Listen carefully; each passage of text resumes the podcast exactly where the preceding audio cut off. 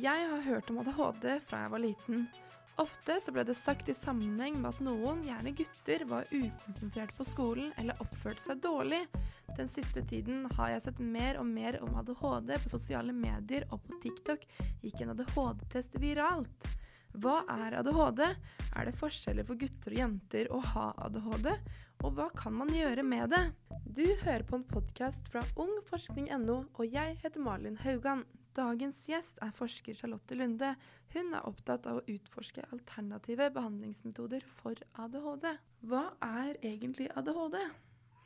Altså ADHD står for Attention Deficit Hyperactivity Disorder. Så det er jo da en amerikansk ord. På norsk så identifiserer vi det som uro, um, oppmerksomhetssvikt og impulsivitet. Dette at du har problemer med å sitte stille over tid, at du syns det er vanskelig å konsentrere deg, at du har liksom en sånn slags indre uro da, som, som, plager deg i veldig mange kontekster, og som for mange arter seg også som lærevansker, og også sosiale vansker. At man har problemer med å få venner, og ting kan være ganske vanskelig hvis du virkelig har ADHD. Er det en diagnose man er født med, eller er det noe man kan få hele livet? Altså, de som har ADHD, er ofte født med en sårbarhet for, for disse vanskene. Mm. Uh, så de vil vise seg ganske tidlig i livet. Uh, og det er jo egentlig et av diagnosekriteriene. Jeg vet at dette nå diskuteres. Men at du skal ha hatt disse vanskene, og at de skal ha eh, presentert seg tidlig i livet, det, det mener jeg i hvert fall er en forutsetning ofte for diagnosene. Det er ikke sånn som plutselig dukker opp når du er 43, liksom. Nei, jeg skjønner. Men er det på en måte farlig å ha den diagnosen, eller er det noe man kan leve helt fint med?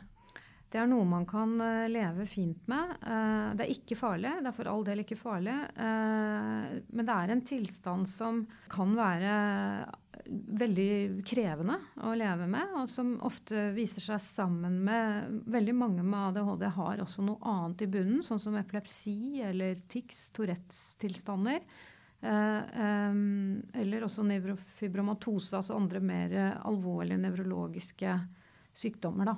Mm. Eh, sånn at det er jo noe arvelig som, som, blir forverret også av miljøfaktorer. Eller kan bli. Svenske forskere intervjuet tolv ungdommer i alderen 15-17 år om hvordan det var å leve med ADHD. Ungdommene sa at de stort sett lever godt med diagnosen når de er sammen med venner, kjærester og familier. Det er på skolen ADHD blir et problem, og det skyldes manglende forståelse for sykdommen, mener ungdommen. Er det forskjeller for gutter og jenter å ha diagnosen ADHD? Erfaringen er jo det at eh, disse hyperaktivitetssymptomene er litt mer uttalt hos gutter. Eh, og det kan man jo tenke seg litt sånn fra biologiens side, altså sånn veldig veldig generelt sagt. da, Dette varierer jo selvfølgelig veldig, men, men gutter er jo generelt mer motorisk i aktivitet. De modnes litt senere også ofte enn jenter. Eh, sånn at hyperaktivitetssymptomet, dette litt sånn overaktive, vibrerende uroen, liksom, den er synligere hos gutter enn hos jenter. Så snakker man vel ofte om at ADD er litt vanligere hos jenter, da, som er mer en sånn indre uro som, som gir seg utslag i mer eh, tydeligere lærevansker og sosiale vansker og, og mer intro, introverte vansker ofte, da. Okay. Så da er du borte fra det hyperaktive delen av det? Jenter kan også for så vidt ha det, men den, den uroaspektet ved diagnosen er liksom tydeligere hos gutter. Og dette har også gjort at gutter lettere får diagnosen. Og der er det også en bekymring i forhold til det vi kaller overdiagnostisering. Altså at flere enn de som egentlig burde ha diagnosen, har fått den. Ah. For det har man sett at gutter som er født sent på året, altså de yngste i sin klasse, veldig mye oftere får diagnosen enn de guttene som er født tidlig på året. Og det sier noe om at vi faktisk kanskje medisinerer og behandler eh, en umodenhet da, hos gutter. Og okay. det er ganske Det er et problem, altså. Så det er ganske mange som går rundt og tror at de har ADHD uten at de egentlig har det? Ja. Det vil jeg tro det er. Mm. Ja. Men hvordan er det man kan behandle ADHD-diagnosen? ADHD behandles jo først og fremst med medisiner. Mm. Eh, og, og, der er jeg litt opptatt av at medisiner absolutt kan være til hjelp for noen. Men det er dessverre ikke godt nok dokumentert, som vi sier, som vi snakker om i medisinen. Altså skal du sette noen på medisiner som virker på, på, på, hjernen din på den måten, så er det viktig at det er medisiner som det er evidens for at man bruker over tid. Og mange står på disse medisinene over tid. De plages av store bivirkninger. Mm. Eh, retningslinjene for norske leger tilsier at har du prøvd medisiner i et år, og du ikke lenger føler det hjelper deg, og har lyst til å prøve å være uten, mm. så så skal du det. Du skal ikke stå på disse medisinene sammenhengende uten å prøve å ta en pause innimellom for å se om du kan klare deg uten medisiner. For det fins også andre behandlingsmåter som man ikke prøver ut like lett. For man har sett at medisiner har så god effekt på kort, på kort tid. Mm. Uh, men her snakker vi under et år, egentlig. Det er ikke dokumentert at ADHD-medisiner virker så lenge som et år. Men likevel så gjør det det for noen, så man fortsetter å holde på det som en sånn slags grense da, for når man skal ta av, medisinene av for å se om man kan klare seg uten. Men trening, fysisk trening er det mange som har sett kan hjelpe for den uroen.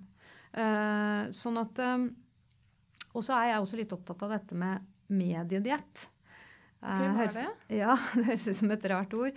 Men vi lever i en tid nå hvor vi putter Hvis vi tenker på alt det vi putter inn i øynene, eh, eller alt det vi ser på på TikTok og eh, digitale plattformer ofte, mm. eh, som mat, da. Hvis vi stiller, sidestiller det med mat, mm. så er vi jo nøye med hva vi spiser, men vi er ikke så nøye med hva vi ser og putter inn i hva skal jeg si, hjernen vår.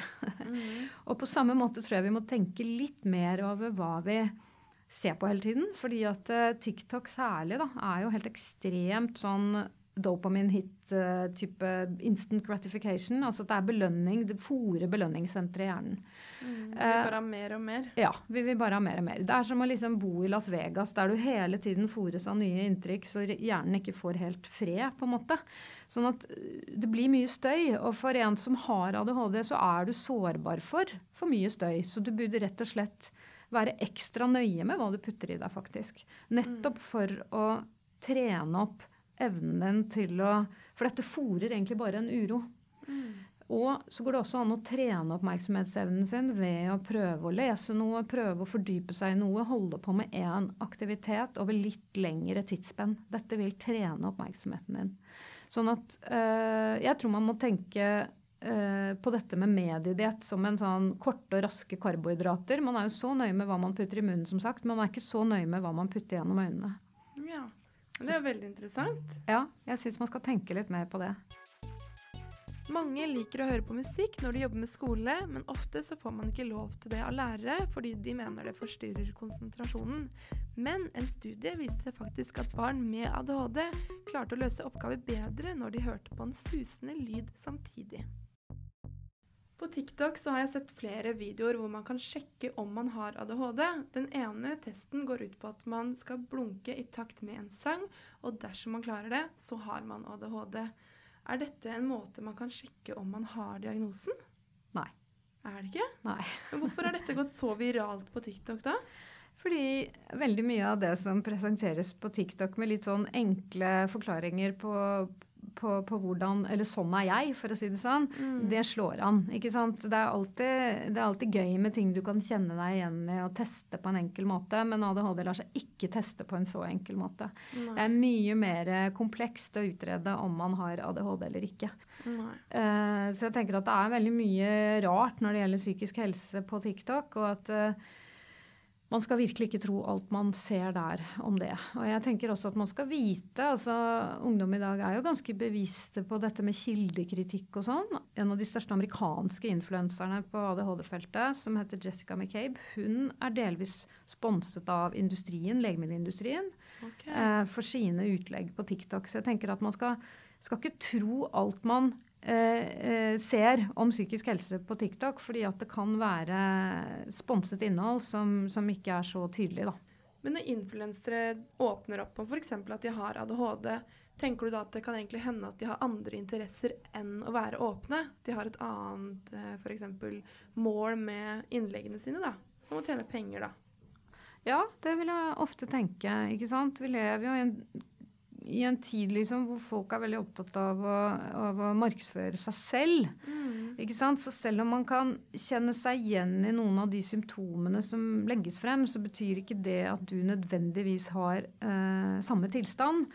Og jeg tenker at det å ha eh, ADHD er utrolig krevende. At du, dette er jo problemer du da har ofte har hatt med deg gjennom livet gjennom mange år. Og de som virkelig har ADHD som en utfordrende eh, tilstand. De, mange av dem har problemer med å stå i jobb. Det er eh, vanskelig å, å, overholde tidspunkter og avtaler og glemmer ting. Og, og har liksom et, et, liv som ofte ikke alltid er like forenlig med de veldig hva skal jeg si, perfekte influenserne som, som står frem på, på sosiale medier med sine psykiske helseutfordringer. da. Mm. Og så sier jeg ikke at det, det, kan godt være de har hatt disse utfordringene tidligere og er godt behandlet, men, men man skal på en måte ikke ta altfor god fisk av det man uh, hører fra influensere som bruker diagnosen sin som det fremste salgstrikset. da.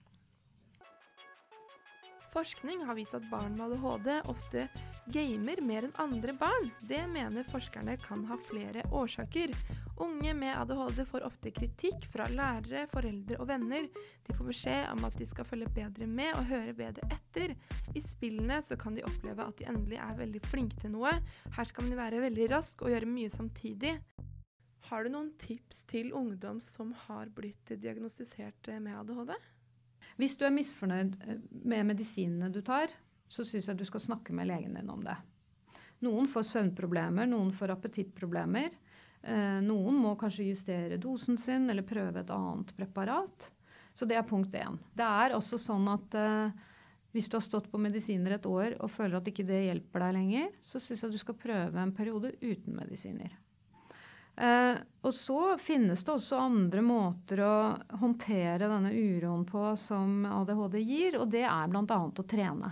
Det å være fysisk aktiv kan også hjelpe deg med å regulere det overskuddsenergien som du på en måte har litt, og den uroen som sitter litt i kroppen når du har eh, ADHD. Mm. Og eh, det fins også studier som viser at det å jobbe med å takle sin egen indre uro i form av meditasjon eller mindfulness-øvelser, eller det jeg kaller oppmerksomhetstrening. Det finnes studier som viser at hvis du gjør det regelmessig, så kan det også dempe indre uro. Mm. Uh, I samarbeid med Rådet for psykisk helse så har jeg bl.a. laget en app som heter Pustepause-appen. Dette er ikke noe beha evidensbasert behandling for ADHD, men det kan hjelpe indre uro. Pustepause-appen er gratis og kan lastes ned på AppStore. Og den inneholder øvelser på eh, lyd, altså guidede øvelser som du kan høre på og bruke for å roe deg ned hvis du har mye indre uro eller uh, angst f.eks.